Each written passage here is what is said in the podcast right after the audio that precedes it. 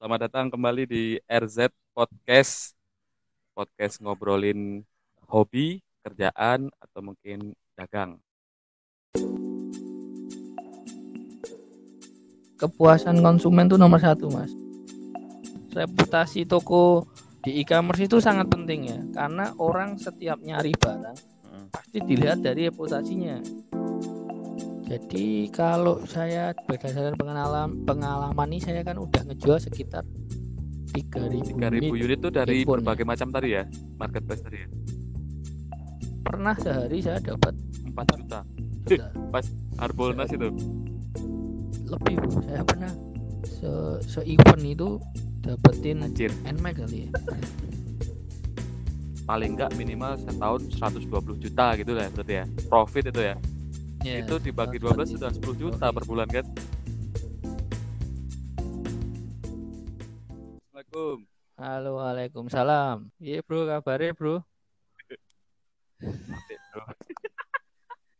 Ini aku intro dulu ya. Baru episode pertama saya ditemani sama teman lama, teman teman gayeng lah pokoknya.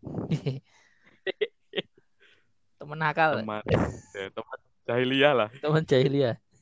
Iya, bro. Memalukan lah pokoknya. Ya kan?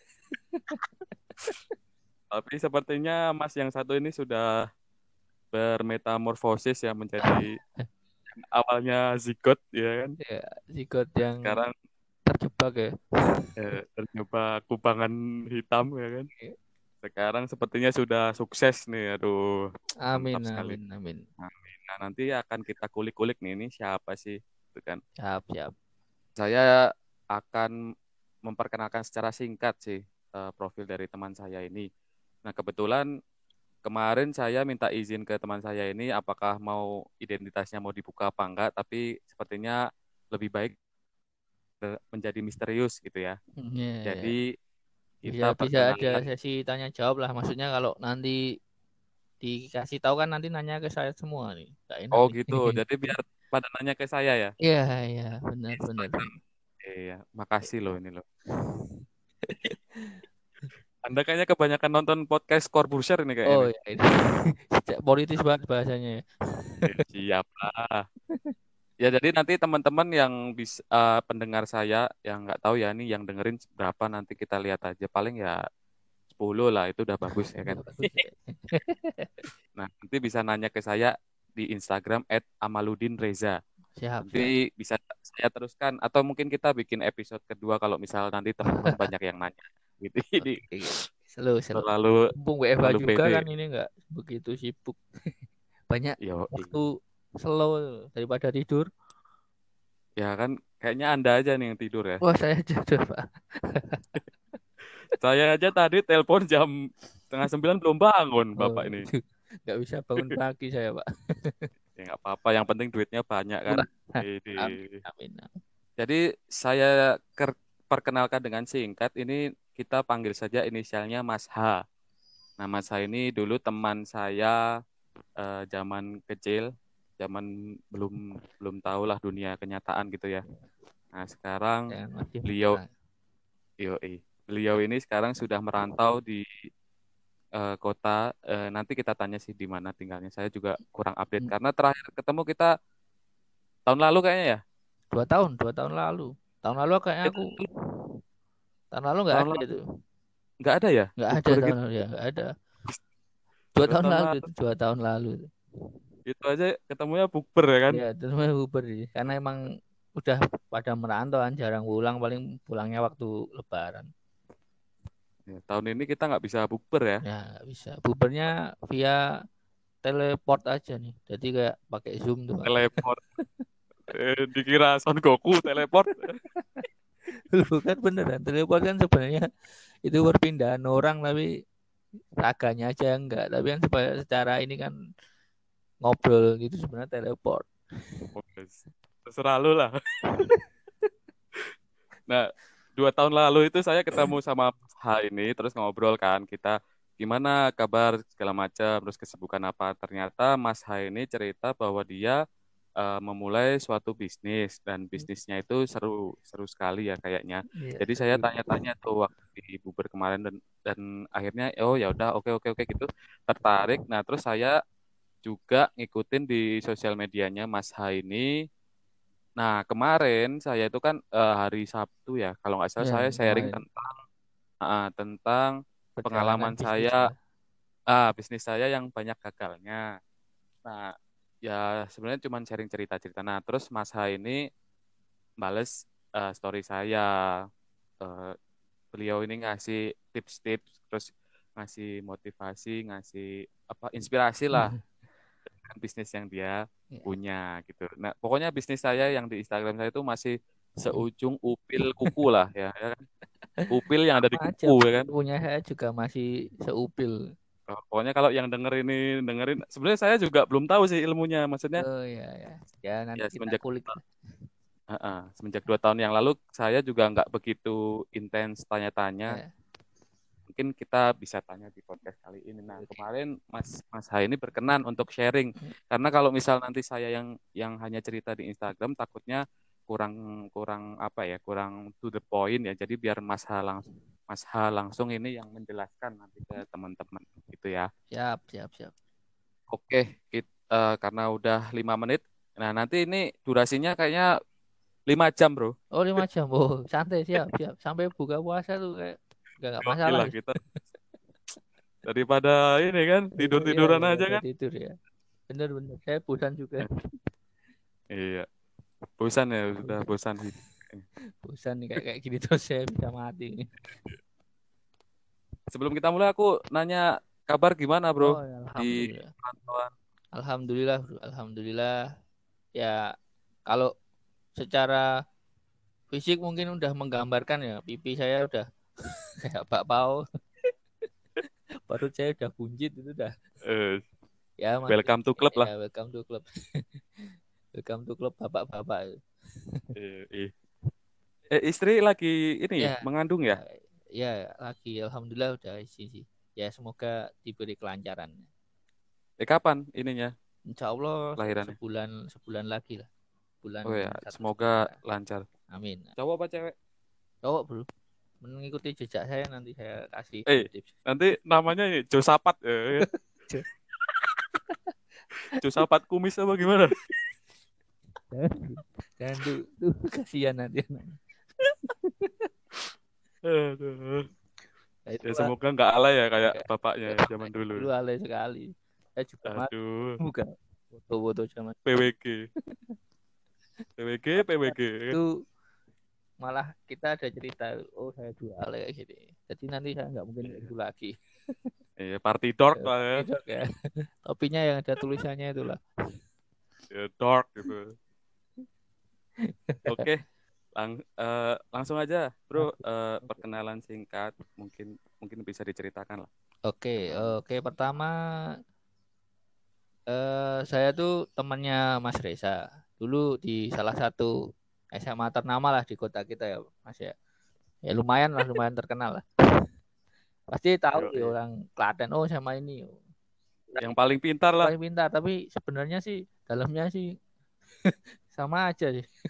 Ya, banyak yang nyogok. Banyak yang nyogok ya. Ya, jadi kita emang salah satu orang beruntung lah bisa dimasukin ke SMA itu. Banyak pelajaran lah intinya ya nggak nakal-nakal banget lah, masih dalam batas wajar. Lalu ya. tahun 2014 ya, saya tuh lulus kuliah. Saya kuliah tuh dulu di Jogja di salah satu universitas negeri ya. IKIP lah lo dulu dulu yang itu pendidikan tuh sebenarnya. Pendidikan. Ya pendidikan. Siap. Universitas Negeri Yogyakarta. Saya nggak tahu sih sebenarnya. Saya kan dulu awalnya, nah saya ambil jurusan komputer. Hmm. Ya komuni te sekarang teknik informatika lah. Saya kira tuh nanti isinya cuma Excel sama Word. Kalau paling susah Photoshop lah atau Corel. Ternyata dalamnya itu coding. Jadi isinya tuh tentang pemrograman, jaringan dan sebagainya yang saya masih awam sangat sangat awam sih.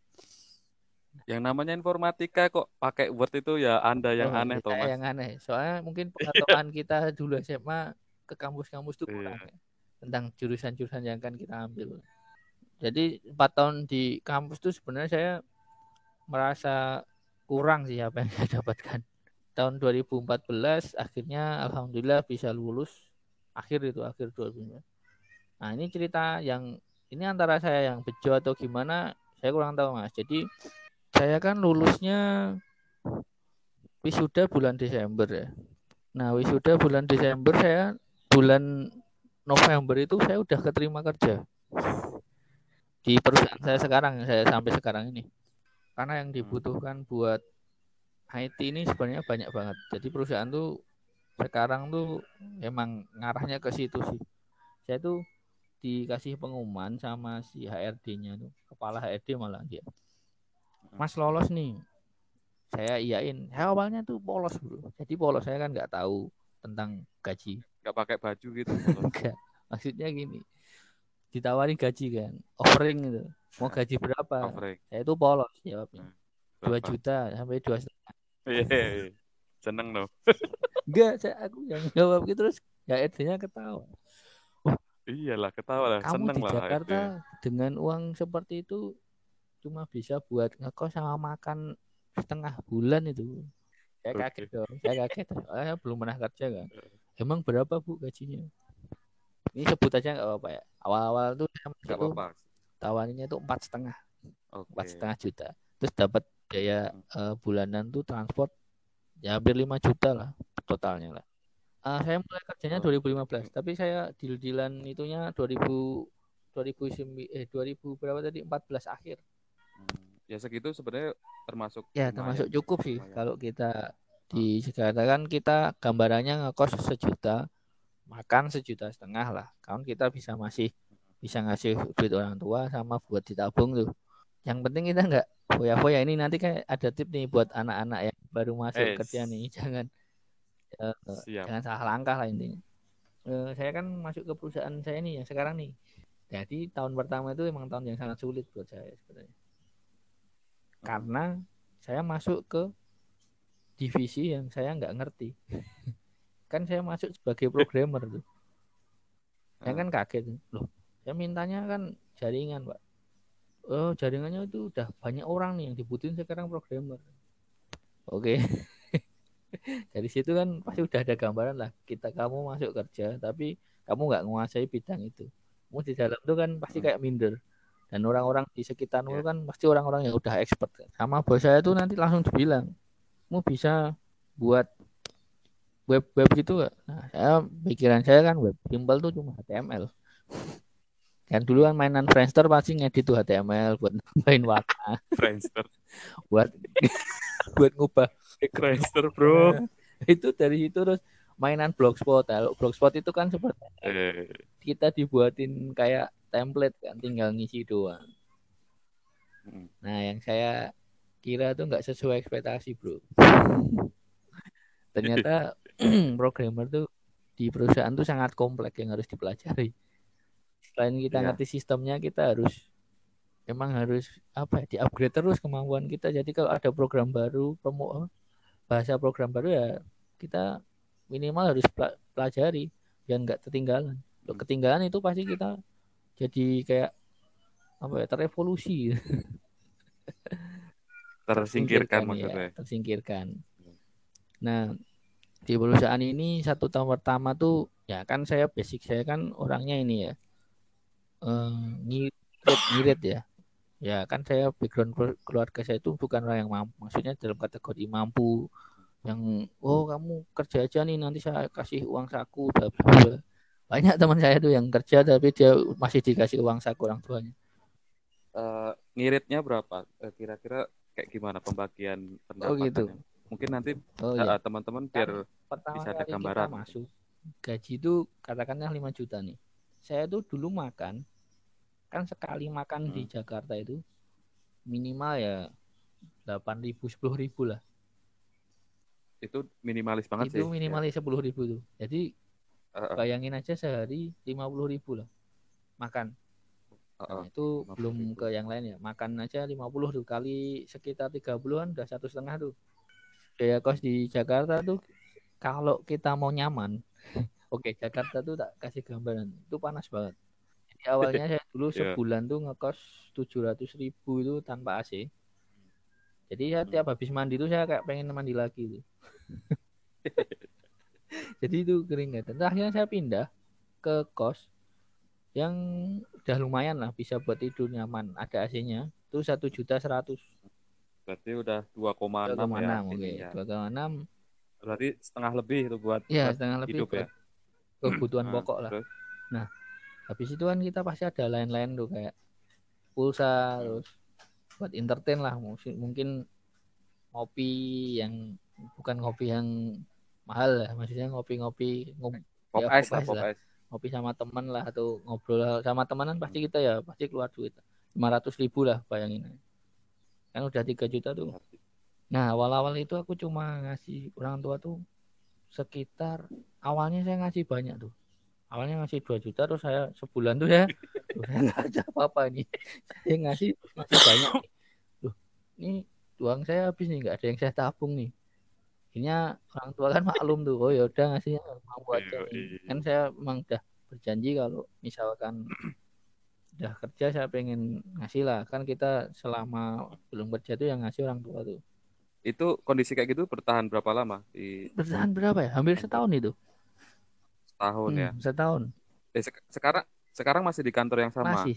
Jadi berarti udah udah berapa tahun itu Lima. hitungannya? dua Iya, lima lima tahun tahun. ya? Setahun pertama bisa dikatakan itu nggak ada tabungan. Saat tahun pertama tuh nggak ada tabungan. Jadi tabungan ya nggak ada Oke. tabungan nah tahun kedua ini Hmm. nah, Nah. tahun kedua nih yang saya punya langkah nih nah dulu gajinya naik nggak tahun kedua naik kalau di Gajinya naik. perusahaan saya ini alhamdulillah per tahun tuh dia ada kenaikan gaji nih Kalau performa bagus bisa 20% kalau performa kita bagus pas laba perusahaannya bagus itu bisa sampai 20-an lah 18 20-an siap siap. Berarti tahun kedua, kedua naik. naik. Gajinya naik. Nah, terus gimana? Nah, Ah, tahun strateginya? kedua ini gini. Saya dikasih kelonggaran tuh buat ya maksudnya buat ditabung uangnya. Karena udah ngobrol sama orang tua saya pengen punya tabungan juga. Nah ini saya kasih tip nih. Jadi untuk yang baru kerja gaji tahun pertama kedua itu pasti rasanya kayak hilang. Karena pertama kita pegang duit dengan uang kita sendiri tuh. Maksudnya eh, kan kalau saya sendiri ya mungkin dulu nggak pernah freelance. Karena mungkin kalau Mas Reza kan sebelum kerja udah freelance jadi udah ada pemasukan dan pasti udah tau lah pengalaman ngatur uangnya. Nah kalau yang langsung hmm. kerja yang langsung kerja. Nah kalau di kota pasti mereka terlena bro. Karena ini ya banyak fasilitas Nah, banyak, banyak hiburan, ya. hiburan, banyak fasilitas. Waktu teman kita yang orang-orang basicnya orang Jakarta, man, mereka tanggungannya kan nggak ada banyak tuh. Mereka juga rumah di Jakarta, makan Jakarta, oh uang iya entertainnya lebih banyak. Jadi kita kadang terlena, kita makan tuh, yuk kita makan yuk. Makan di mall Ya, itu seratus ribu minimal 100 ribuan, terus belum ngopi, nonton ya itu nonton lah. Nah itu kalau kita terlena kayak gitu dan nggak ada income yang kita paksa, itu kan setahun dua tahun tuh terasa, uh nggak ada pemasukan. Saya kerja itu kayak nggak ada tabungan loh. Kita kadang gelisah di situ. kalau kita dua tahun kerja kok nggak ada pemasukan buat apa nih kita kerja sebenarnya? Bentar, tadi aku nangkep keywordnya kan kalau misal kita nggak memaksa maka kita Nah nggak ada benar benar tabungan benar nah, kayak gitu. nah, berarti Mas Ha ini gimana mengalok di Oke. tahun kedua sudah mulai mengalokasikan Jadi di di awal bank gitu ya swasta nasional terbesar di Indonesia itu sebut aja tuh BCA ya. Jadi Ya, itu ada program BCA. yang namanya tahapan berjangka.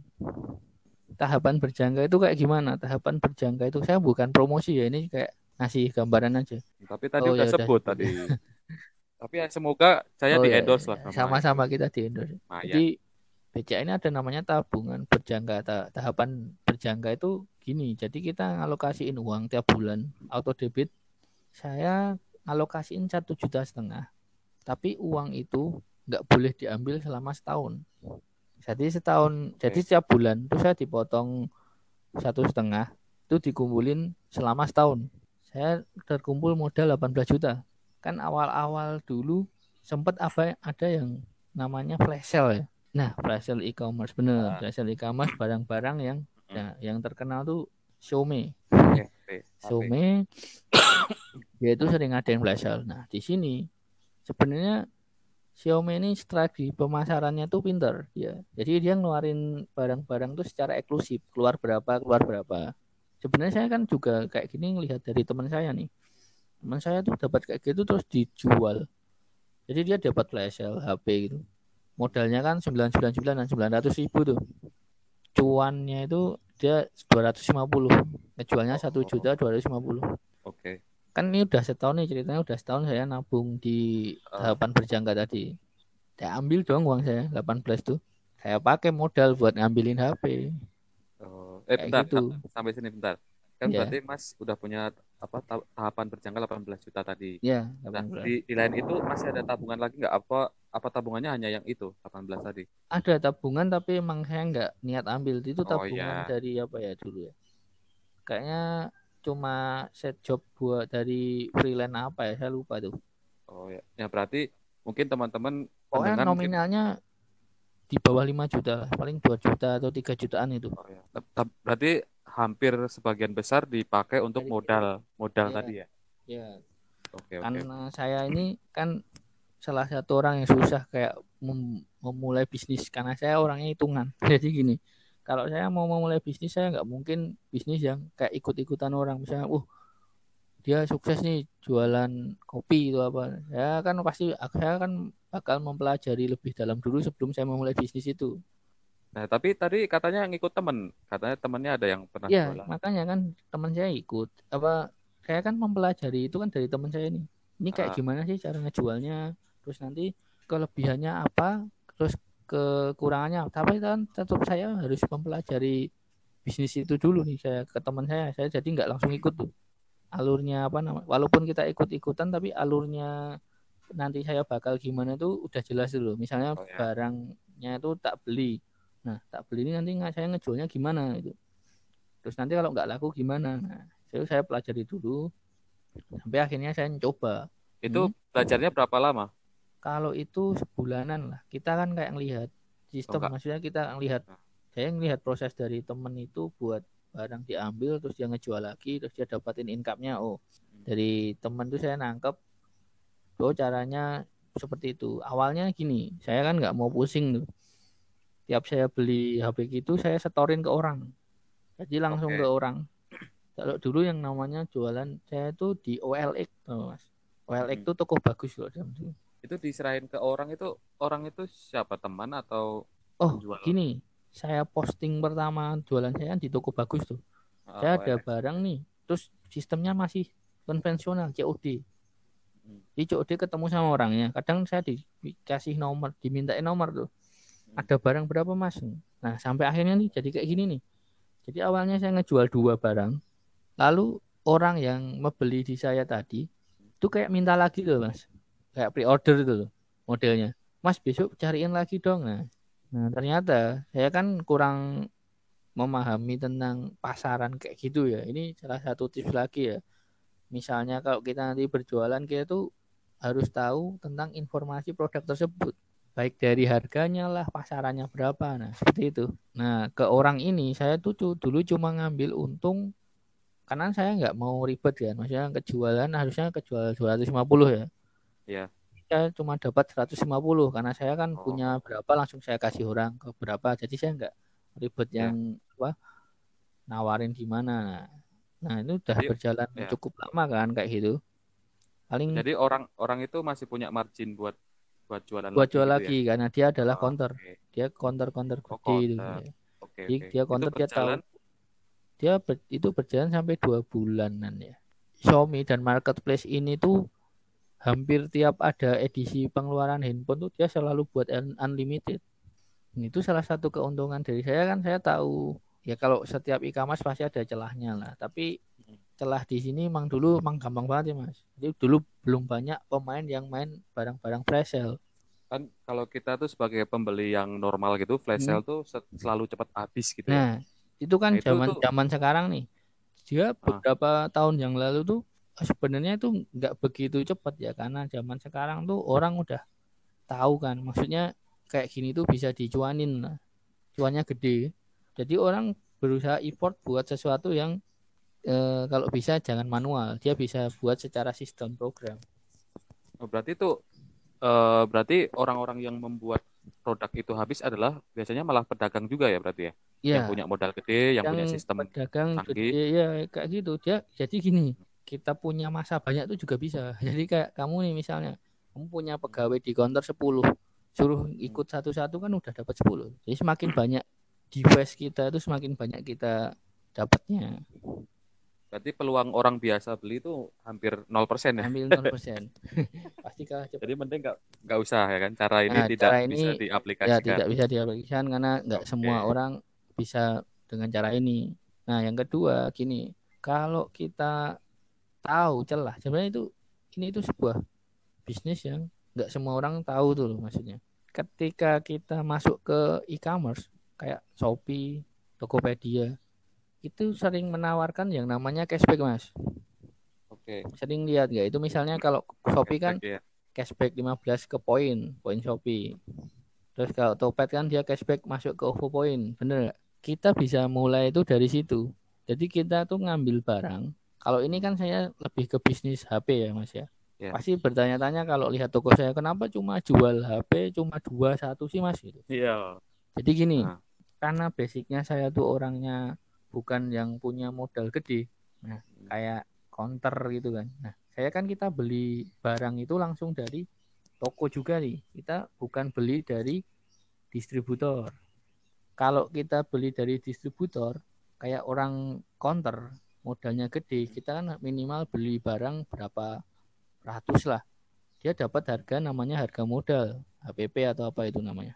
Nah, dia bisa ngambil keuntungan dari situ kalau kita modalnya beli dari toko orang untungan kita tuh juga cuma cashbacknya itu mas bentar mas hmm. berarti uh, kita, kalau kamu bilang tadi uh, keuntungannya hanya dari cashback berarti ketika misal kita jual eh kita beli HP misal Samsung 2 juta gitu ya hmm. harga harga di di tokonya itu 2 juta 2 juta terus kita beli dapat cashback itu kan ceritanya yeah. nah 2 juta ah, dari HP yang kita beli 2 juta tadi itu bisa dapat cuan juga nggak? Dari HP kita pinter-pinter nih. Nah ini yang kedua ketika kita beli barang 2 juta ke toko orang yang kurang rame, orang pasti yang tokonya kurang rame ngejual barang harganya pasti dimepetin dong.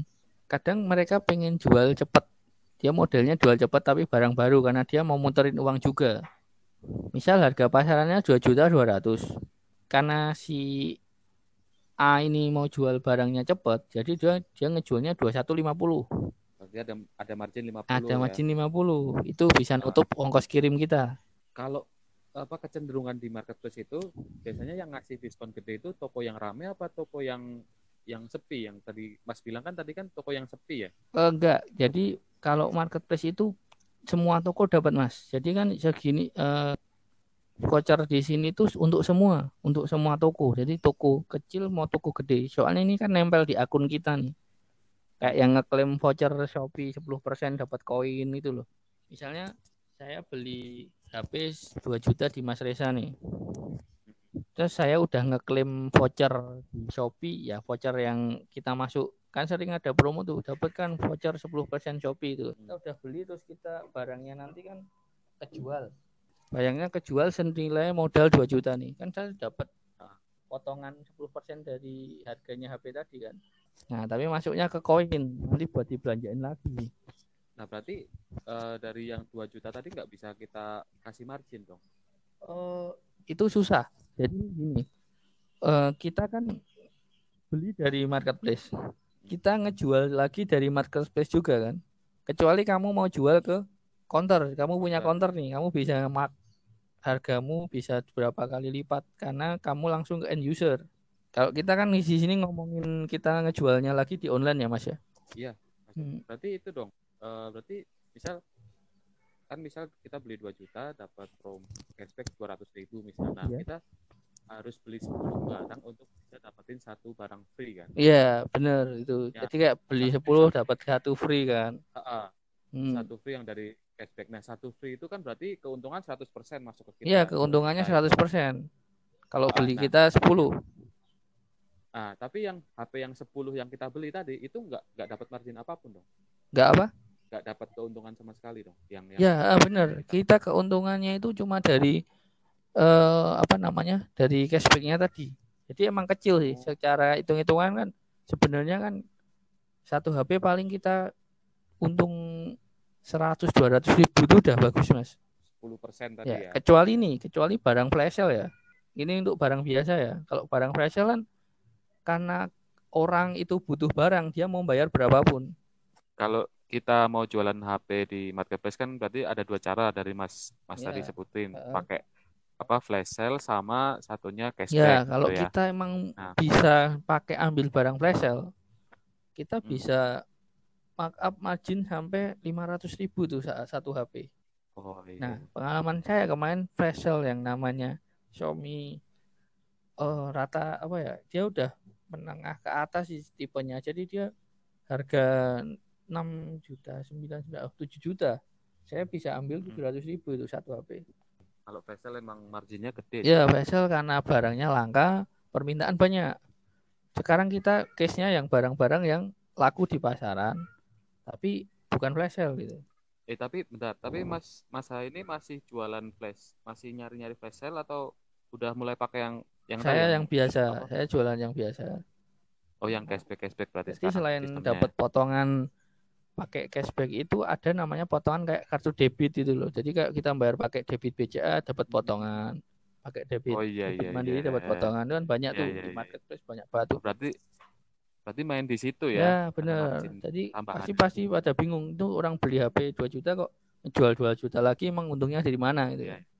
Oh iya. Cerdas sekali nih Mas Ha ini ya. Jadi itu celah itu bro, itu celah Bus. celah kesempatan. mahal ini, bro. Ilmu mahal ya makanya. Eh, Bentar, itu kartu debit apa kartu kredit biasanya ada ini? kredit, ada promonya? debit, tapi saya banyak pakai debit sih.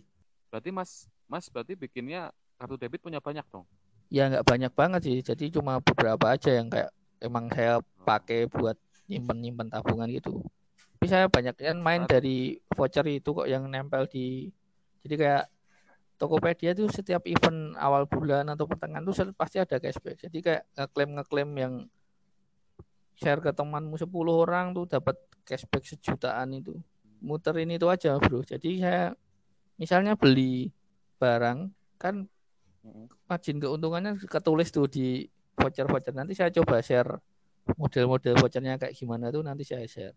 Kayak Pasti banyak jadi. itu jadi lima persen. sih. Kalau kamu sering di Shopee kan ada tuh. Shopee dari Iya, iya, iya. Ramadan sale terus ada beli dapat koin 100 ribu dibeliin apa. Itu dari situ untungnya tuh. Sebenarnya tipis tapi pasti kalau kamu banyak gini loh kalau itu kan pasti wah beli jual HP 2 juta untungnya cuma 200 ribu dikit banget nah. Kalau 10 20 pasti jadi banyak, Bro. Iya, 2 Ya, juta. jadi 2 juta. Jadi banyak teman saya yang main di situ juga.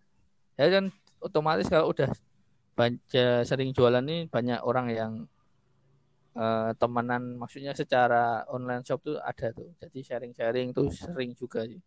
Ini Mas cari nge-share nge-share barang. Oh, ini ada murah nih Mas, beli aja. Banyak. Oke, oke, oke, sip. Eh, bentar, sampai sini Mhm. dulu. Eh, coba saya rekap dulu ya. Berarti tadi Mas H ini sudah mencoba untuk bisnis mulai dari tahun 2015 berarti Ya, 2016 lah tepatnya lo 15 masih kayak 2006 nyoba-nyoba doang gitu. 2016. Eh, dari tadi kita bahas-bahas teknis jualan, tapi kita malah belum kenalan nih sama Oh tokonya, gitu. Oh tokonya ya. Mas. Nah, Jadi ini pendengar tuh nggak tahu nih ngomongin apa sih. gitu kan. jadi gini, saya punya banyak toko ya di marketplace. Hampir setiap marketplace saya ada Oke. tokonya. Saya mengawari karir, wah karir ya. Apa? Ngawari jualan saya itu di Bukalapak. Dulu masih rame nih Bukalapak. Buat jualan HP itu dia paling cepat lah dari pada marketplace lainnya. Dia sempat naik daun tuh Bukalapak tuh. Sampai akhirnya ini kok lama-lama Bukalapak tuh sepi ya. Terus akhirnya yang Iya, rame kan. di Topet nih. Saya juga buat akun jualan di Topet juga nih. Nah, saya jadi saya mengapa saya jualan di tempat-tempat yang ramai seperti itu? Kan saya basicnya modalnya kecil mas. Saya pengen barang saya itu muternya cepat. Basicnya saya jualan itu kenapa? Tadi barang saya sedikit itu karena gini. Barang yang dijual itu pasti laku dalam beberapa hari. Oke, kadang kita beli. Kenapa nggak beli sebanyak nih? Model 10 nih. Buat apa sekarang kita modalnya jualan banyak tapi barang itu nggak laku? itu ah malah jadi kayak uang kita tuh ngendap di barang itu kan misal modal kita 10 juta kita beliin 10 macam HP yang keluarnya lama nih kayak bisa seminggu dua minggu tiga minggu baru keluar nih baru dapat balik ke modal kita nih sama kita jualan HP yeah. 10 satu jenis tapi dia dalam sehari dua hari dia udah jadi duit lagi nah ini yang di sini kita harus tahu barang apa nih yang lagi fast moving. Nah, uh. itu tahunya dari mana? Nah, si uh, marketplace ini kadang pinter nih. Dia udah ada fitur. Kasih tahu nih, oh barang-barang terlaris itu sekarang apa sih? Si marketplace ini kadang di fiturnya itu di halaman depan atau di ya itu ada kan produk terpopuler dalam pencarian oh, orang. Iya, iya. Yang paling sering okay. dicari orang kategori handphone atau kategori makanan atau mau kategori minuman lah kita belajarnya dari situ oh ini yang paling sering dijual orang nih. Kalau saya sendiri tahu karena emang kalau udah main lama pasti bakal tahu oh sekarang yang lagi laku ini sekarang yang nggak laku ini sekarang yang lagi laku ini. Itu pasti kalau lama bakal tahu sendiri. Tapi kalau mau mulai belajar kayak gitu dilihat aja tuh dari daftar pencarian terpopuler produk terpopuler produk unggulan itu apa. Eh mas bentar. Yang produk terpopuler itu biasanya tuh bisa bertahan berapa lama ya? Macam-macam mas. gini, jadi gini. misalnya, jadi produk HP ini kan tiap yeah. berapa bulan sebulan dua bulan sekali dia produksi nih iya nah, setiap oh. dia produksi ini kadang dia jadi nurunin uh, harga dari waktu dia pertama kali launching nah awal awalnya yeah. harganya satu tujuh lah nah, ketika yeah. nanti ada produk baru yang speknya lebih tinggi dan harganya lebih murah produk barunya itu eh produk yang tadi launching itu harganya pasti jadi turun bisa 100 ribu 200 ribu nah makanya kita kendala kita di situ mas.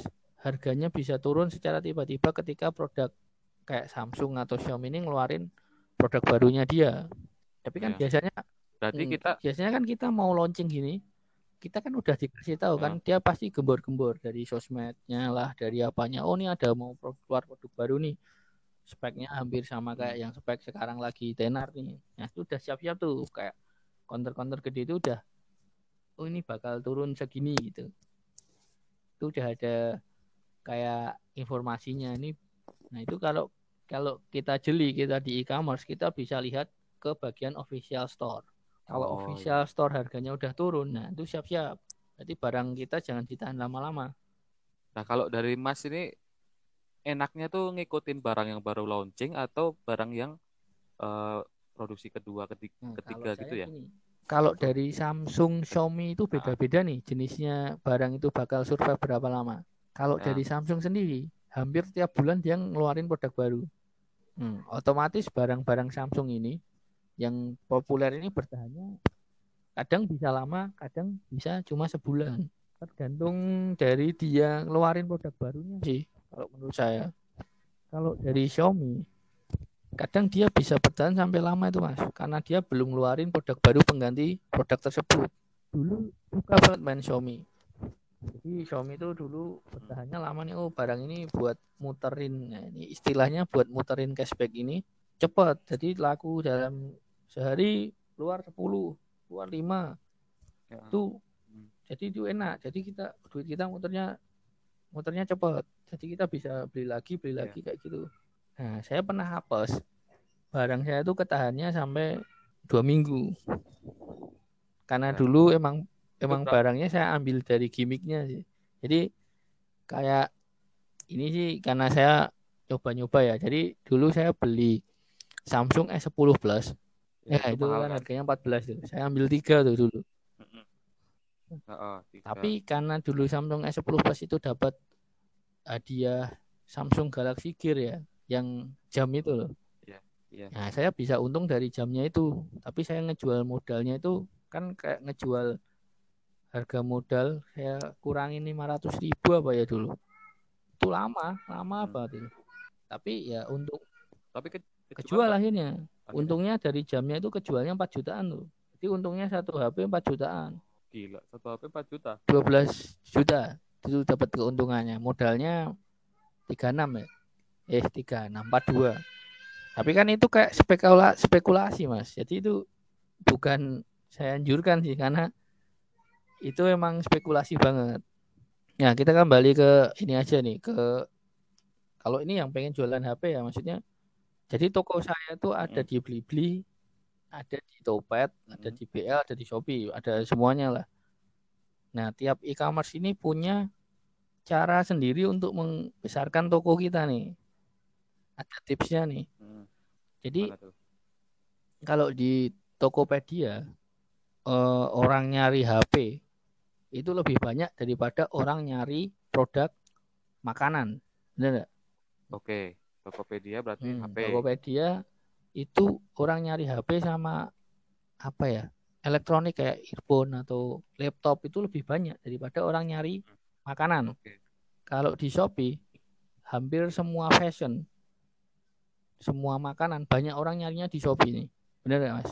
Kalau Oh, iya karena Ya isinya, bener. bro. Jadi kalau yang pengen jualan kayak baju muslim, jilbab, itu mending di Shopee daripada di Tokopedia karena di Shopee lebih rame peminatnya gitu, untuk mencari barang-barang fashion seperti itu. Tapi ya saingannya emang banyak sih.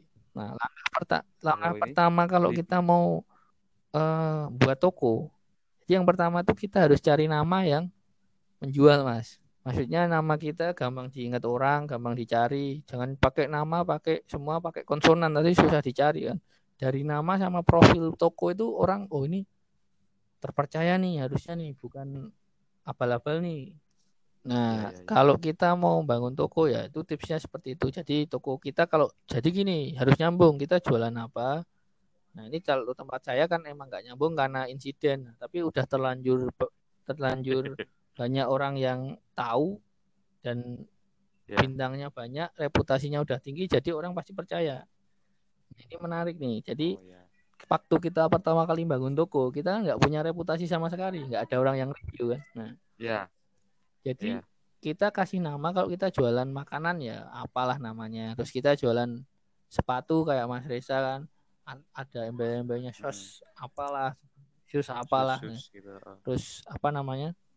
Nah, nanti setelah itu kita bikin produk dong. Kita kan udah punya nama toko yang gampang dihafal orang nih. Kita bikin Hmm. produk, kita bikin produk. Usahakan gambar yang kita upload buat produk itu adalah re- real apa namanya gambar yang real ya, maksudnya yang nyata, bukan gambar ngambil dari orang atau apalah. Kalau toko kita udah gede, udah Hmm. banyak produknya sih nggak masalah. Kalau kita lagi bangun toko, usahakan tuh Hmm. gambarnya tuh real pic ya maksudnya dia gambar yang sebenarnya jadi kita benar-benar motoin produk kita itu loh Eh tapi aku lihat tokonya Mas itu gambarnya gambar Google. ya itu kan toko saya gambar yang Google itu itu karena toko saya udah reputasinya udah tinggi mas jadi Udah udah terpercaya ya. ya udah terpercaya Udah terpercaya. Oh, jadi dulu postingnya fotonya foto ya foto Asli asli, ya, foto jadi barang saya awal-awal pasti saya tiap bangun toko baru pasti saya bikin gambarnya itu yang gambar real pic jadi eh, orang waktu lihat oh ini emang punya barang punya stok nih. Dia sebenarnya itu cuma buat yakinin ini. Oh ini orang tuh punya barang punya stok gitu Paling biasanya kalau aku lihat di e-commerce biasanya foto kan stok foto sama ada kayak tulisan print-printan Iya, gitu ya kadang untuk dia nama tokonya. watermark. Jadi terpercaya jadi gitu ya. dia nggak mau diambil orang fotonya itu dikasih watermark toko apa itu kan Bahkan nggak cuma watermark sih, kadang ada print-printan gitu. Oh iya di stiker ya print-printan, Itu iya kan? sebenarnya karena biar Lebih gambar dia nggak dicuri orang gitu. Soalnya kan di e-commerce ini gampang banget dia mau ngupload download punya orang tuh gampang banget. Ya. Soalnya kadang ada e-commerce yang ngasih template. Kalau di Blibli ya beda lagi. Di Blibli pasti gambarnya hampir sama semua. Sistem pembuatan produk per e-commerce beda-beda soalnya Mas. Kalau Blibli kenapa dia Blibli itu semua. yang nentuin template pembuatannya tuh dari sistem Blibli-nya. Kalau dari e-commerce lainnya dari kita sendiri gitu. Beda lagi kalau orang yang reseller. Reseller usahain minta gambar dari resellnya, dari Hmm. dari produsennya, sorry. Kan banyak tuh kalau pakaian tuh pasti banyak yang reseller tuh. Soalnya gini Mas, kadang gambar yang disajikan di Google itu kan setiap produk. Kalau ini kasusnya pakaian ya, pakaian, makanan itu. Dia pasti ngasih gambar yang terbaik kan. Hmm. Kalau HP mah pasti yang difotoin kalau ada di Google dia gambar HP paling ya kayak gitulah dalamnya lah seperti itu kan. Tapi kalau dari kadang pengen lihat ini orang jualan bener-bener punya barang nggak sih? Nah itu bagusnya difotoin aja barang kita. Gitu. Kadang banyak orang yang masang itu cuma kayak pre-order jadi ya udah nanti saya kirim dua hari lagi. Nah, itu kan bikin konsumennya kecewa.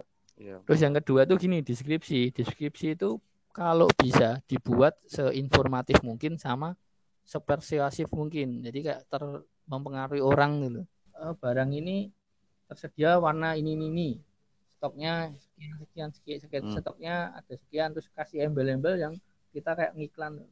Jadi beli hari ini kirim hari ini. Yang pertama misalnya nih uh, oh. beli hari ini kirim hari ini. Jadi kalau kita nggak mampu beli hari ini kirim hari ini kasih batasan waktu pembelian jam seberapa sampai jam berapa kita kirim jam berapa kita kayak cut off hari ini jam 4 sore misalnya kayak gitu eh nah bentar mas mumpung bahas ya, tentang ya. pengiriman mas ini kan pegawai kan karyawan masuk hmm. kerja gitu kan pagi pagi sampai sore nah itu cara handle pengiriman oh, gimana ya kalau saya zaman dulu gitu.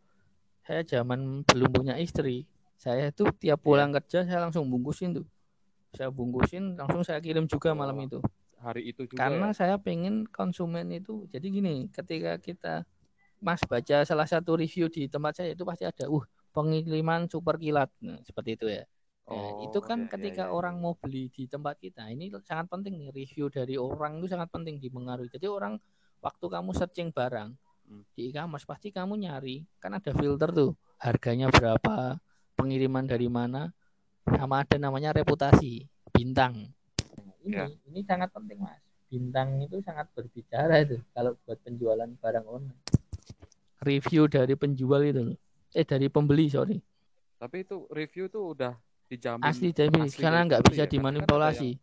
soalnya itu kan kecuali masnya kong kali kong sama teman buat beli barang masnya nih buat gedein review itu oh. juga bisa sih jadi kan ada tips nih kalau misalnya masnya emang susah banget iya. ngejualnya dan nggak laku-laku. Bisa dicoba tuh masnya suruh teman aja jual beli iya. barangnya lalu kasih review bintang. Jadi waktu di filter itu keluar nama masnya, keluar toko masnya nih. Ya? iya, baru barangnya tapi itu sangat tidak Kurang dianjurkan juga. sih. tapi ya kalau emang benar-benar kesulitan kan orang pasti nyari berdasarkan review. Sekarang gini deh, Mas jualan barang Mas mau beli barang lah ke ya. tempat orang di e-commerce ya. Waktu searching, Iyalah, Mas lihat review bintang nggak? foto-foto dari customer tuh kan. Pasti kan. Fotonya kayak gimana, terus deskripsinya, oh ini barang asli atau enggak nih, barang baru atau second? Itu hati-hati loh itu. Jadi kita nulisnya itu harus sesuai dengan kenyataan kalau nggak mau dimaki-maki customer kan. Karena kepuasan konsumen tuh nomor satu mas. Itu kayak moto dari eh, perusahaan eh, saya. Misal ada orang yang ngasih review jelek gitu ngasih bintang satu. Itu bisa dihapus nggak sama yang punya toko? Mm -hmm. Nah kalau di lapak bisa mas tapi oh, di e-commerce lainnya nggak bisa dihapus itu orang yang ngasih review bintang satu atau dua itu wa wajib dicurigai ya berarti ya? Wah itu nggak ada akhlak gitu nggak ada akhlak gitu benar itu benar-benar jatuhin toko kita mas. Jadi mending kita ganti nama ganti toko baru daripada jualan dengan view bintang satu. Kita jualan yeah. barang baru laku satu mati, terus ya? dikasih bintang satu ya udah mati. Itu nggak usah jual lagi mending gitu. jualan di toko yang baru gitu. Jadi kalau bintang semakin tinggi harga kita bersaing sama hmm. harga tinggi itu masih make sense ya. Tapi kadang kita awal-awal mau jualan kita harus mau nurunin berapa ribu aja dari toko yang udah rame. Biar tuh barang kita setidaknya dilirik gitu. Lalu gini mas sama ada trik nih untuk masang harga nih. Kadang orang kan cuek tuh harganya satu lima satu enam kosong kosong. Itu salah. Jadi kalau di jualan di kamar tuh kayak angka 99 tuh kayak jadi tips tuh. Jadi kan kadang kita iya. jualan satu juta enam ratus tapi kita pasang satu lima sembilan sembilan. Sebenarnya itu satu rupiah itu bukan apa-apa kan. Tapi itu sangat menarik buat orang mau beli oh ini harganya lebih murah nih walaupun satu rupiah. Itu kamu jualan sepatu tiga ratus ribu sama sepatu dua sembilan sembilan yang dibeli dua sembilan sembilan itu salah satu tipsnya tuh jadi buat masang harga tuh juga ada triknya tuh. Mau nanya kalau inisial Hmm. stoknya stok itu nggak nggak bisa kejual gimana mas? Ini strategi. Eh, kalau saya kan punya banyak temen Oh, counter nih mas, saya drop di counter mas. Jadi harganya nanti paling harganya harga Oh, iya, modal. iya, Jadi saya biar modalnya balik, saya bisa drop HP itu karena saya punya Oh, iya, kenalan iya. counter. Kalau barang-barang non counter kayak resell atau apa itu bisa namanya harga dijual harga modal.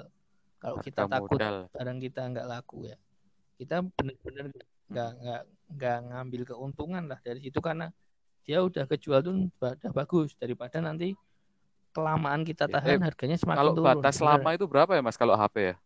Kita pegang stok tuh. pegang stok HP bisa Seminggu seminggu, lama ya dua ya? minggu mas seminggu lama karena modal kita ki- misalkan 10 juta terus seminggu nggak laku kita nggak bisa besok Oh, iya, buat iya, iya. pulaan lagi kan dua minggu lah maksudnya kalau kita nggak punya Iya cadangan iya. modal loh Balik lagi ke tadi reputasi toko gimana mas? Oh, jadi reputasi toko di e-commerce itu sangat penting ya, karena orang setiap nyari barang Mm. pasti dilihat dari reputasinya. Makanya pelayanan kepada konsumen itu yang paling pertama dalam penjualan nih, Mas. Misalnya nih, pelayanan itu dalam bentuk apa? Kita gercep nih misalnya kalau kita nanti udah punya pegawai toko kita udah gede kita enak nyewa bisa nyewa admin buat Ah. balesin chat. Ready nggak kan ready nggak kan semakin kita fast respon orang tuh semakin tertarik dengan toko kita. Jadi kayak ditanya nih barangnya ready nggak kan langsung aja. Kalau kita eh, nggak sempat buat balas kita ada namanya signature ya. Kalau di situ ada signature chat tuh jadi kayak kita Oh, ada iya. template-nya buat balesin sendiri itu Auto jadi gitu ya. dibalesin robot dulu auto message ya tuh replay itu kan dia kita barang ready selama stok tersedia. Tapi itu harus ngasih penjelasan nanti bakal dibales dalam beberapa menit lagi seperti Yes. itu. Jadi fast respon ketika kamu beli barang kamu nanya ini ke toko orang barangnya ada nggak mas? Terus ntar Udah malam keburu- pasti udah nggak Keburu beli bro. keburu beli tempat lain ya pasti gitu. Fast respon buat balesin chat itu penting karena pelayanan konsumen itu tetap nomor satu. Yang kedua gini kalau kita misalnya ada satu pesanan dalam satu hari itu pesanannya udah puluhan ya dan kita nggak sempat kirim di hari itu eh, sebaiknya kasih pengertian ke konsumen. Ini bisa Ah. dikirim boleh dikirim besok nggak misalnya? Karena pengiriman kita sedang overload. Jadi kadang ada konsumen harus hari ini nih harus tapi ada yang Oh. maklumi oh ya udah nggak apa-apa. Jadi kalau bisa sih secepatnya tuh dikirim mas. Jadi ketika barang sampai kita dapat review bagus Edan nih peng- pengirimannya super kilat nah otomatis orang yang mau beli lagi di tokomu itu pasti wih beli di sini aja deh pengirimannya cepat yang kedua gini Iya. kamu kan kalau packing barang kalau saya nih HP nih saya standarnya HP bubble wrap sama kardus ini juga jadi review nih uh Gitu. packing packingnya bagus Mm. HP-nya aman original jadi jangan asal-asalan making mas jadi kalau kalau kita beli cuma di bundel plastik resek itu kan pasti juga Iya. Mas, customernya Beli bubble wrap sama kardus di mana ya? kalau saya sih online kalau di daerah sini banyak mas saya beli bubble wrap sekasur tuh kalau cuma delapan puluh ribu gimana? Kardus ada tuh satu kardusnya ini saya ada yang harganya 500 online apa sama gimana? 700 rupiah saya beli online kalau saya Oh, kalau di, dikasih enak ya. dikasih dikasih jadi ada labelnya Blibli kalau yang e-commerce lainnya kadang saya dari eh, pembelian saya kan ada kardus saya pakai lagi kalau masih bagus. Tapi kayak saya sekarang lebih ke beli sendiri sih karena Siap, siap, siap. biar packingnya bagus. Itu penting tuh kalau kayak packing bagus terus aman. Yang penting aman. Kalau HP itu kan kadang orang cuma sih. masukin kardusnya itu kurang aman. Kalau bagusnya dia nanti masih ada bubble wrap terus masih dikasih kardus. Itu. Intinya di sini kan kita harus Reputasi. bangun dulu reputasi kita untuk jadi reputasi yang terpercaya. Jadi oh, konsumen tuh mau Jadi, beli barang Reputasi kita harga mati ya bro ya. harga mati pokoknya. Soalnya ketika orang nyari barang logikanya orang pasti nyari yang udah terpercaya dan udah tinggi kalau tipsnya nih Iya. buat toko yang baru belum ada reputasinya kita harus mau ngejual barang itu Oh, lebih murah berapa rupiah lah daripada Iya, harga iya, yang iya, udah existing. Ketika orang butuh barang itu dan dia kan ada orang yang nggak mempertimbangkan review tuh jadi dia langsung beli aja nih ya udah barang kita bisa kena kesambet tuh kena Oh, iya. diambil sama orang itu gitu. Jadi rugi dulu nggak apa-apa. Eh maksudnya cuan tipis nggak apa ya buat bangun reputasi. Nggak apa-apa buat bangun reputasi. Soalnya kalau udah reputasi bagus, orang mau beli itu nggak perlu khawatir. Sama ini, kalau toko kita nanti udah lumayan gede, kita bakal ditawarin sama e-commerce-nya Ah. untuk kayak langganan sesuatu nih. Ya, Kamu pasti lihat yang namanya seller. star seller ya kalau di Shopee. Nah, star seller itu ada syaratnya. Setelah pembelian kita, eh penjualan kita dalam sebulan berapa puluh, itu nanti kita bakal ditawarin dari notif. Eh, lapak Ah, Bapak berkenan nggak jadi star seller? Star seller itu otomatis gini, kita ada bayar berapa Hmm. persen? Satu persen nggak ya? gitu. Ya, Dari ya, ya. penjualan kita ke Terus? Tapi kita dapetin advantage. Apa ya? Advantage dari Shopee-nya sendiri sih. Toko kita gratis ongkir yang pertama, terus nanti bisa dikasih potong. eh, jadi kan ada cashback atau promo Star yang seller. bisa dipakai cuma ke star seller itu yang, ag- yang agak kampret sih. Jadi kita kayak Ya, tapi nggak apa-apa, satu persen doang kan? Satu persen doang dan harga Hmm, kita iya. bisa lebih tinggi juga. tuh. Berarti itu Harga berarti kita sarannya rekomendasinya diambil ya kalau misal Ya. ada penawaran kayak gitu ya. diambil diambil. Soalnya itu salah satu dalam pencarian juga star seller tuh ada Iya tuh. sih. jadi ada filternya star seller tuh. Hmm, itu kalau Shopee kalau Tokopedia itu namanya Power power merchant, ya, merchant hampir sama sih. Yang menawarkan gratis ongkir juga. Pakai si cepat sama antar aja tapi kita harus membayar satu Hmm, persen iya, iya, iya. Nggak apa-apa sih satu persen tuh. Hmm, kalau kayak gitu penawaran kalau nanti tokonya udah gede udah banyak yang beli pasti bakal, bakal ditawari kayak gitu udah otomatis tuh dari sistemnya si e-commerce-nya buat nawarin mau dibuatin ini enggak mau Mm-mm. dibuat jadi star seller enggak itu mending diambil karena itu enggak merugiin sih Iya. jadi itu menguntungin Itu berarti tokomu udah star seller semua ya? Atau Eh, saya Tokopedia-nya yang power merchant kalau yang Shopee ini saya kebetulan masih jualan barang yang banyak orang butuhin tapi saya nggak perlu buat oh masih buat masih laku rame? jadi masih aman ya masih rame jadi kalau nanti misalnya saya pengen pasang star seller ya soalnya pasang eh, star seller ini saya harus upload KTP gitu Hmm, iya. gitu gitu sih Ada lagi bro tipsnya? Misalnya. garis besarnya Oke, nah. Eh, jadi kan dari tadi kan kita Iya. ngomongin teknis nih dari kan tadi di awal kita flashback lagi ya Hmm, eh, menceritakan perjalanannya Mas Mas H itu kan dia bekerja kemudian Hmm. mengatur keuangan kemudian mencoba untuk cari tambahan uang dengan berjualan HP kalau Hmm. beberapa yang bisa saya ambil kan berarti jualan tuh belajar dulu ya kan tahu sistem tahu ya sistemnya belajar dulu apa pun ya apa pun lah apa pun mau bisnis tuh lebih baik mending belajar dulu dari mau bisnis Ya, yang mau kita belajar tekuni itu dulu, kemudian eh, belajar dari pengalaman juga, misal nyoba-nyoba sistem segala macam.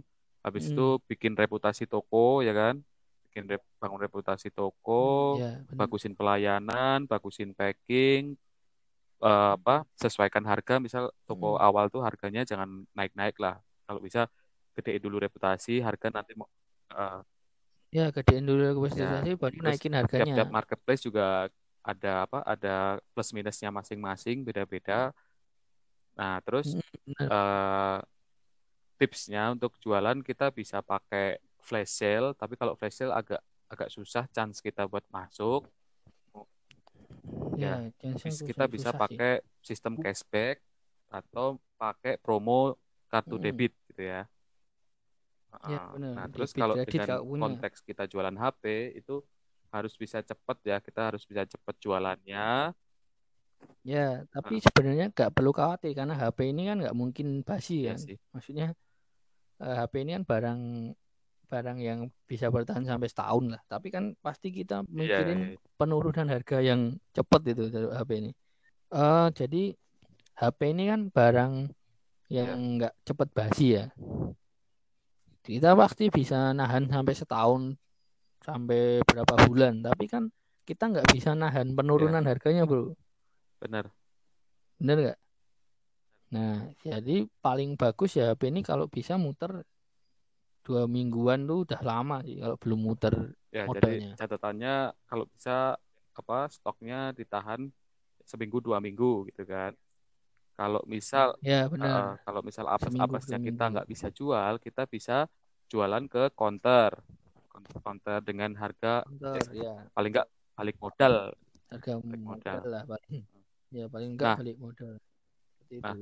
Tadi kan kita udah bahas eh, banyak banget ya teknis, kemudian tips trik. Nah, eh, mungkin sekaligus nutup juga ya.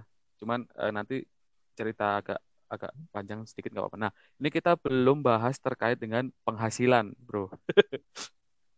Padahal ini yang paling menarik sebenarnya harusnya di menit menit pertama tadi, bro. Menarik ya. Nah, nah aku pengen tahu, nggak? bro, penghasilan boleh nggak Ya. misal di-share kan ini anonim Hmm. juga nih. Siapa tahu. Nah, jadi penghasilan Oh ya ya. ya. berapa kemudian Jadi jadi kalau saya berdasarkan pengalaman pengalaman ini saya kan udah ngejual sekitar 3000 3000 unit unit tuh dari handphone ya. berbagai macam tadi ya, marketplace tadi ya. Dari berbagai macam varian sama marketplace. Kalau digabungin sekitar siap. 3000-an lah, 3000 unit. Hmm, Oke, sekarang kita gambarnya gini. Saya ngambil keuntungan dari HP ini 8 sampai 10, Oke, sampai 15% lah paling Oke. satu HP itu. Jadi kalau gambarannya kita eh, harga 1000 eh sejuta 500, saya ngambilnya paling 100 sampai 200 HP ribu. yang kamu jual tuh rata-rata harganya segitu ya, satu setengah, dua juta gitu ya. Ya, harganya satu setengah sampai 2 jutaan lah. Ya itu, keuntungannya sekitar 10 Jadi kalau persenan lah. Hmm, jadi sekitar 10 persen. Nah, sehari ini, misal sehari, saya tuh bisa ngambil minimal itu 300 ribu margin bersih. Jadi 3 HP Hmm, saya iya, bisa iya, ambil sehari. 300. Kalau sebulan, itu kan tinggal 9 ngali juta. 3 tuh, 30 tuh. Kan sekitar 9 juta itu Minimal, Bro. minimal ya. Itu udah berjalan dari Minimal. berapa tahun, cuy? Apa siklus kayak gitu? Kalau yang udah continue itu tuh berjalan ya tiga tahun dua tahunan lah dua Dua tahunan lah tahun sekitar dengan gitu profit 300 ribu per hari ya. ya tiga ratus ribu per hari kalau paling mentahnya ya ya itulah 300 itu udah udah dapat sih pasti kita bisa ambil eh, apa hitung-hitungan ya minimal 300 ribu per hari sebulan 9 juta setahun ya ah, Nah. gimana tapi e-commerce itu sering ada event bro. Ingat nggak Harbolnas, kalau ada ya. Harbolnas tuh? Harbolnas terus event Ramadan event ini. Itu otomatis Ah. promonya bakal banyak banget nih. Pernah sehari saya dapat 4 juta. juta. Harbolnas Sehari. itu? Sehari. Itu karena apa? Kok Harbolnas. bisa bahkan karena karena dia ngejual eh, karena dia banyak promo dan si semua marketplace yang saya ambil eh, handphonenya itu dia ngadain promo kayak JDID ada promonya Bukalapak terus ada Blibli ada Topet itu ada promonya semua dan saya Berarti bisa gini, bro, berarti- semuanya tuh Ah. terus saya jual Berarti- lagi margin bersihnya Oke, Bisa berarti dapat posisimu sebagai penjual ketika Harbolnas itu adalah kulaan ya, Bro ya berarti ya. Dua-duanya juga. ya? dua-duanya Tapi kamu dua-duanya jadi saya ambil saya saya jual lagi jadi dia eventnya kan semingguan tuh kamu kan misal ambil dapat margin margin gede tuh. Nah, kamu jual lagi Mm-mm. eh, sesuai har- harga pasaran atau lebih murah harga pasarannya? harga pasaran harga pasarannya ya jadi saya benar-benar dapat keuntungan dari potongan harganya tadi kayak misalnya dapat potongan 200 ya nanti saya dapatnya potongan 200 saya biasanya dapatnya 150 ada 50 ribu buat biaya ongkir dan lain-lain lah. Nanti ya segitulah. Misal anggap aja rutin per bulan 9 juta gitu kan. Eh apa? Per bulan 9 juta kali 12 kan Hmm. berarti 108 juta ditambah bonus 100 bonus ya, pas 108 Harbolnas juta lah. 111 juta ya kan. lebih bro saya pernah se, se event itu dapetin Anjir. NMAX kali ya Har- Iya dapat NMAX. Harbolnas itu setahun berapa kali sih? Setahun event berapa kali? tahunan Oh, satu kali. satu kali satu kali tapi kadang ada event-event kayak Ramadan ini tuh juga ada nih eventnya jadi kak kemarin ada THR apa gitu terus event nanti tahun baru atau 99 jadi sering ada tuh event yang dari September itu udah ada event 99 10 10 11 11 12 Berarti 12. anggapannya lah ya paling nggak minimal setahun 120 juta gitu lah ya, berarti ya. Profit itu ya. Ya, itu dibagi setahun 12 seperti sudah itu. 10 juta Profit. per bulan kan. Ya, itu belum sama. Kalau kita jadi pegawai, Wah, tambah dari gaji pegawai gimana nih teman-teman yang dengar ini harusnya di menit pertama tadi kita ngomong ini. Oh, Yo, ilah. menarik ya. Jadi itu uh, pahit manisnya. Kalau manisnya tuh seperti itu. Jadi manisnya tuh emang kalau ini sebenarnya ini butuhin orang yang niat sama telaten sih, Bro. Nggak semua orang mau kayak gini soalnya. Karena ma makan waktu juga sih sebenarnya ya.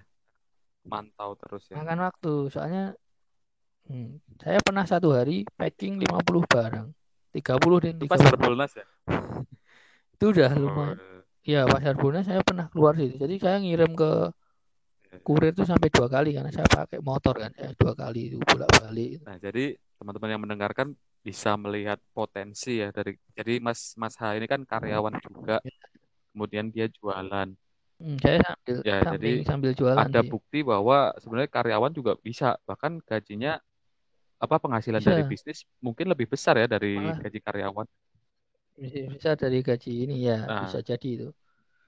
Nah sekarang gini saya mau kasih tip nih. Jadi misalnya kita mau resign dari perusahaan. Saya kenapa saya nggak resign aja? Karena kok penghasilannya udah gede kenapa nggak keluar dari ya, pekerjaanmu sekarang aja nih? Jadi kalau kita yang udah berkeluarga gini pastinya kita pengen suatu penghasilan yang pasti. Karena kita kan menghidupi istri kita ya, dan anak-anak kita nih misalnya nih. Nah, kalau kita keluar terus bisnis e-commerce ini ada regulasi-regulasi yang nantinya memberatkan dari sisi penjual, ini kan pasti jadi bisa membuat kita malah ya, jatuh nih. Bahkan padahal kita udah ngelepas dari perusahaan yang pertama kali kita hmm, dapat modal dari situ lah intinya. Kalau tips dari saya sih kayak kalau bisa sih mm, kerjaannya tetap jalan, kita jualannya juga tetap jalan. Kalau misalnya jualannya nanti udah gede banyak, paling enggak kamu punya pegawai dan kalau enggak udah ke handle dan kamu rasa bisnismu ini bakal bertahan mm, sampai kamu tua, mm. kamu keluar nggak apa-apa gitu. Tapi kan kalau kita hidup di negara Indonesia ini regulasinya tuh serba nggak jelas bro. Eh, misalnya nih, nanti pem- penjualan barang di e-commerce mau Iya. dikenain pajak 10%. Ya kita nggak kita dapat apa kalau kita ngambil marginnya Iya, cuma 10% kalau kita suruh iya, bayar pajak 10% kita cuma iya, jadi betul. sukarelawan yang buat jualan. Jadi saya harapkan kalau yang udah berpenghasilan tetap kayak kerja di perusahaan, mendingan kalau mau bisnis kayak gini dijalanin dengan sukarela aja, maksudnya jangan ngoyo. Tapi nanti kalau misalnya kamu tahu potensinya bakal sampai lama, kalau kamu misalnya nggak ke handle ya udah tinggalin aja pekerjaan utama. Tapi kamu harus yakin ini usahamu bakal bertahan lama itu Jadi loh kalau maksudnya. saran dari Mas H ini bagi teman-teman yang memang sudah jadi karyawan, mending jangan keluar dulu ya kan. Tapi eh, Ya jangan keluar dulu, ya, kamu harus lihat tapi merintis potensinya. saja lah ya, sampingan gitu kan. Ya kadang kan sekarang gini, kadang kan kadang pengen orang keluar tapi Ya, langsung mau mulai usaha. Terus endingnya apa? Maaf ya, eh, katakanlah kasarnya usahanya nggak berhasil, terus dia malah bingung kan nanti nyari pekerjaan ya, ya, modalnya itu dari mana lagi kan dia. Berarti kalau kayak kita bisnis kayak gini kan hitungannya gini oh kalau nggak dapat pun saya masih ada gaji pokok dari kantor kok gitu. Berarti istilahnya resign pun juga ada ininya, ada seninya ya.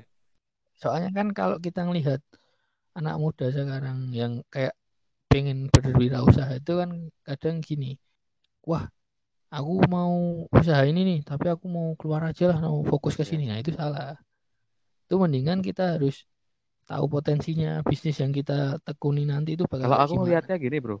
Realita di mungkin ya, kalau aku lihat Hmm, kanan kiriku, biasanya orang tuh karyawan kan, karyawan tuh nabung hmm, biasanya. Dia punya akhirnya dia ya ya punya oh ya nabung nabung tabungan dulu banyak. Hmm, Dari situ dia merasa bahwa dia yakin punya modal dan kerjaan udah jenuh, ya kan? Kerjaan udah males, berani resign Hmm, dengan alasan punya modal. Ketika dia mulai hmm, usaha, malah bangkrut, ya kan? hmm.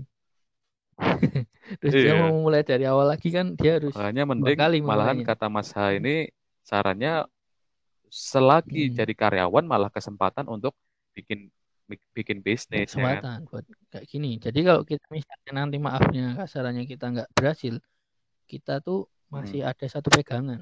Nah itu jadi kayak kita nggak dua kali memulai. Kalau kayak tadi kan dia harus Ya, dua, dua kali memulai nyari modal lagi, ya. bangun usaha Eh lagi bro, gitu kan. aku mau nanya nih dua pertanyaan nih. Hmm, Yang pertama adalah kamu kan udah uh, lama ya, udah tiga tahun, empat tahun, tiga tahun jualan HP. Mm. Pertanyaanku yang pertama ini, menurutmu Mm. trennya untuk HP ini semakin naik apa semakin turun? Itu pertanyaan yang pertama. Yang kedua, terkait kondisi corona Mm. ini. Corona gini nih uh, berpengaruh nggak sama jualan? Atau mungkin sama aja atau mungkin malah nambah cuy? Gimana cuy? Dua pertanyaan. Yang pertama, jualan tren HP ini bakal terus naik ya karena HP ini kayak jadi sekarang tuh kayak Iya jadi sih. kebutuhan pokok bro Benar-benar. benar nggak jadi kalau sebelum ada sistem AI orang yang bisa ngomong pakai yang sistem ditanam di tangannya. HP masih berguna bro.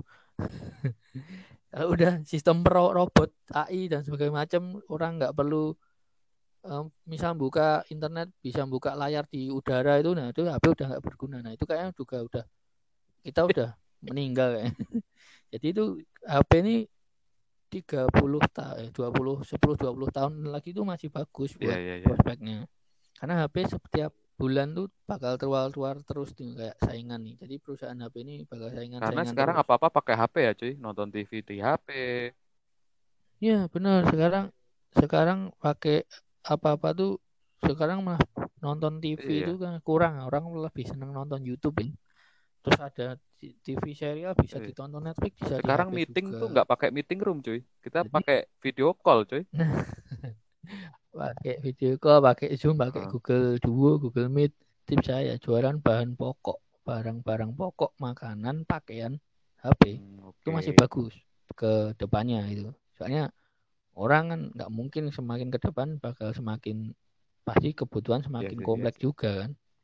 Dan orang nanti jarang banget yang bakal beli HP bisa diantar kok ngapain aku harus ke toko ke counter dan tips saya nih nih kalau di counter itu harganya lebih tinggi dari di online Pasti kalau sih. kamu pasti. bisa lihat pasti karena di toko dia bayar karyawan dia bayar counter makanya saya belum mending jualan kok kok kamu nggak bangun counter aja sih yang yang ngomong gitu loh kalau saya jualan di counter yang pertama saya harus punya izin usaha yang kedua saya bayar karyawan yang ketiga Iya, saya bayar sewa. sewa rukonya Udah habis di situ nanti modal Benar, benar, eh, benar, benar. Jadi online ini malah enak nih sekarang. Jadi karena selama ada belum ada regulasi aneh-aneh dari pemerintah online ini emang apa namanya sekarang bisnis yang menjanjikan. Jadi nggak cuma jualan HP tapi kayak jualan sepatu jualan makanan atau jualan pakaian fashion itu di HP eh, di e-commerce masih bagus kok menurut saya masih bertahan sampai beberapa tahun Berarti masih. Kalau misal kita nih teman-teman ada yang mau ikut jualan HP, berarti masih oke ya? Oke oke Oke lah. masih oke. Dan kalau mau bangun mau nggak mau jualan HP pun tadi tips dari saya seperti itu. Jadi usahain bangun reputasi toko dulu sama ke pelayanan konsumen itu nomor satu lah intinya. Jadi ketika konsumenmu seneng dapat review bagus yang Hmm. untung juga tokomu. Yang pertanyaan kedua bro, terkait corona ini gimana? Normal saya ya? masih normal-normal aja maksudnya normal. Jadi jualan saya itu juga masih rame, orang juga masih banyak yang nyari HP sama aja sih. Jadi nggak begitu ngaruh yang signifikan ya. Karena kita basicnya kan jualan barang elektronik ya di sini ya. Karena dan ini yang yang saya apa namanya kasih tip lagi waktu corona ini orang tuh malah pilih semua bi- untuk Iya sih. beli online Iya. bro. Bener nggak? Orang kan di mall juga nggak bisa mau ke pasar juga nggak boleh.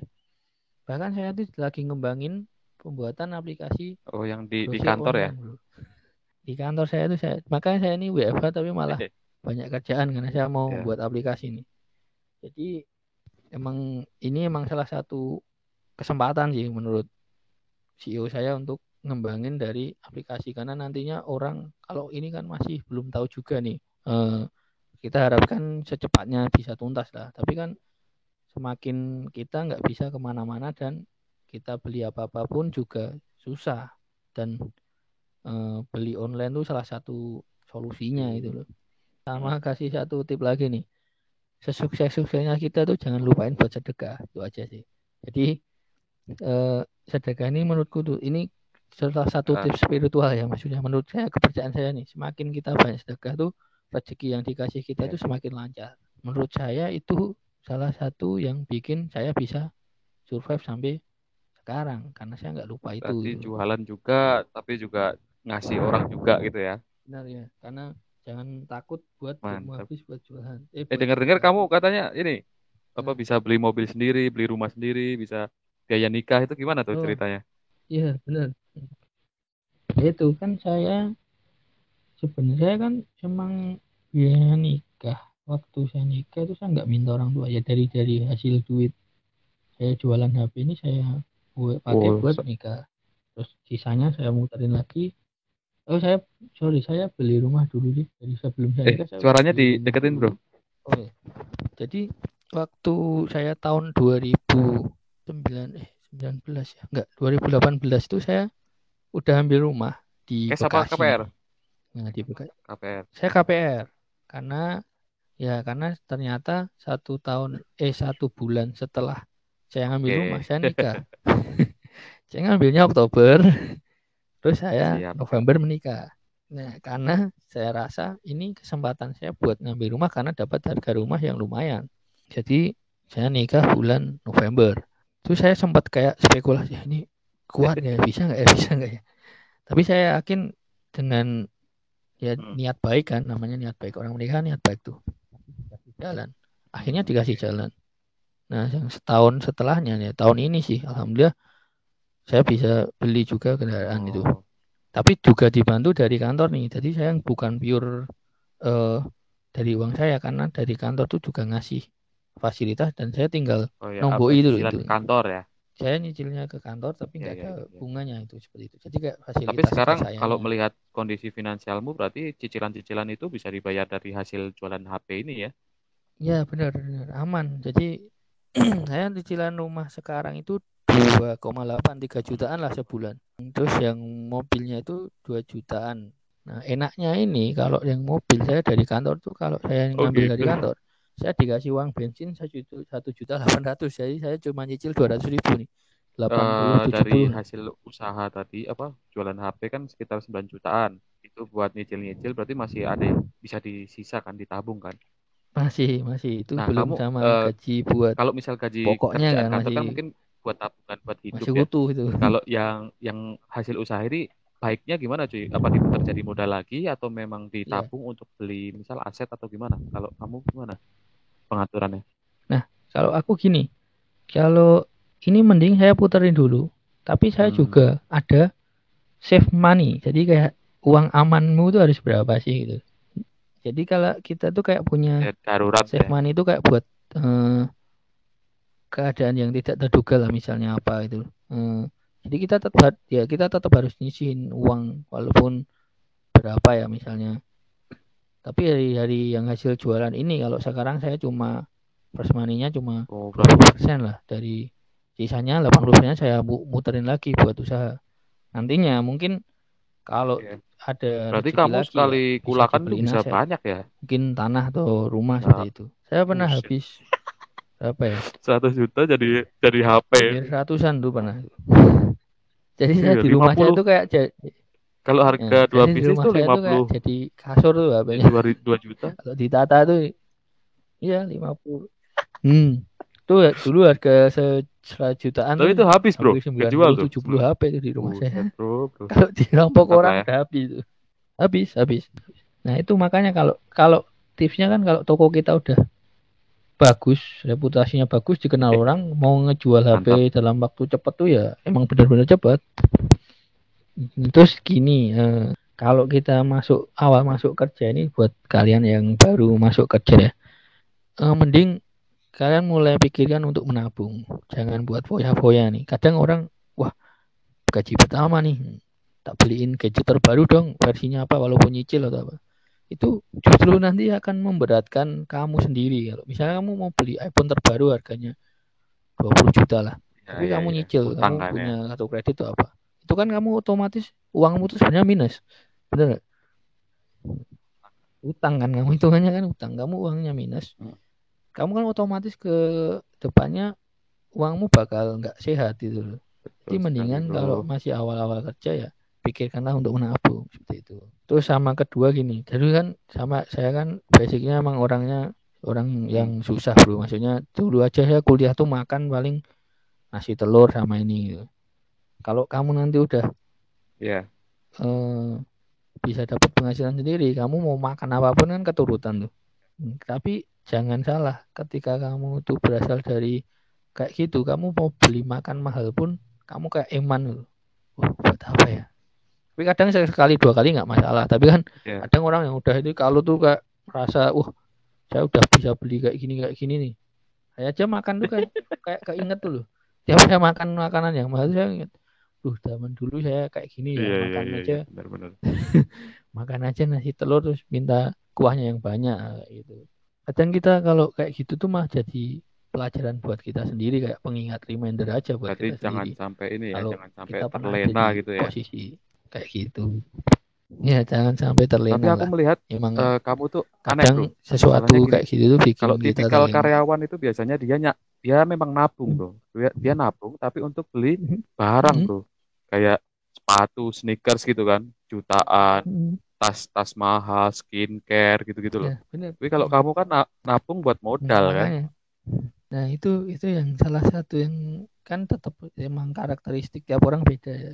Tapi emang kayak gituan emang harusnya bisa dirubah. Kalau saya kan mikirnya dari dulu ya, Xiaomi. dari dulu saya nggak pernah pengen kayak punya kan HP saya nih terus terang kan HP saya HP Xiaomi ini. Tapi saya Iya. bisa beli. Ya.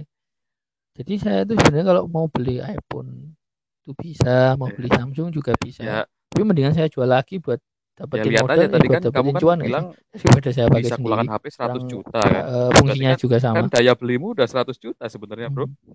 Itu Louis Vuitton bisa, Bro, Louis Vuitton. Iya, tapi kan saya jadi gini nih, lebih ke Iya. manfaatnya HP juga buat apa kan? Tapi kan orang-orang sekarang itu lebih cenderung ke gengsi anak muda apalagi. Wah, HP ku iPhone nih, aku berarti prestisnya tinggi. Uh, HP ku Samsung S20, 30 atau apa nih. Wah, ini Mantep ya. bagus Berarti nih dari HP nih. Xiaomi bisa menghasilkan menurutku ratusan ya juta, Bro ya. fungsinya kan tetap sama. Otakmu mantep loh. Otakmu cerdas, Bro. Iya benar. Wah, HP saya. saya tuh Ya udah, Bro. Ini udah biasanya sa- hampir hampir dua jam. Mungkin closing closing statement, Bro, buat buat teman-teman karyawan Siap. yang pengen pengen usaha gimana nih? Eh, terakhir lah, motivational speech lah. Oke. Jadi kalau kayak namanya usaha ini, yang terpenting tuh sebenarnya dari niat. Dari niat kita mau nggak sih? Saya udah lama nge-share kayak gini. Maksudnya saya juga ditanya teman saya nih, eh, gimana sih cara jualan?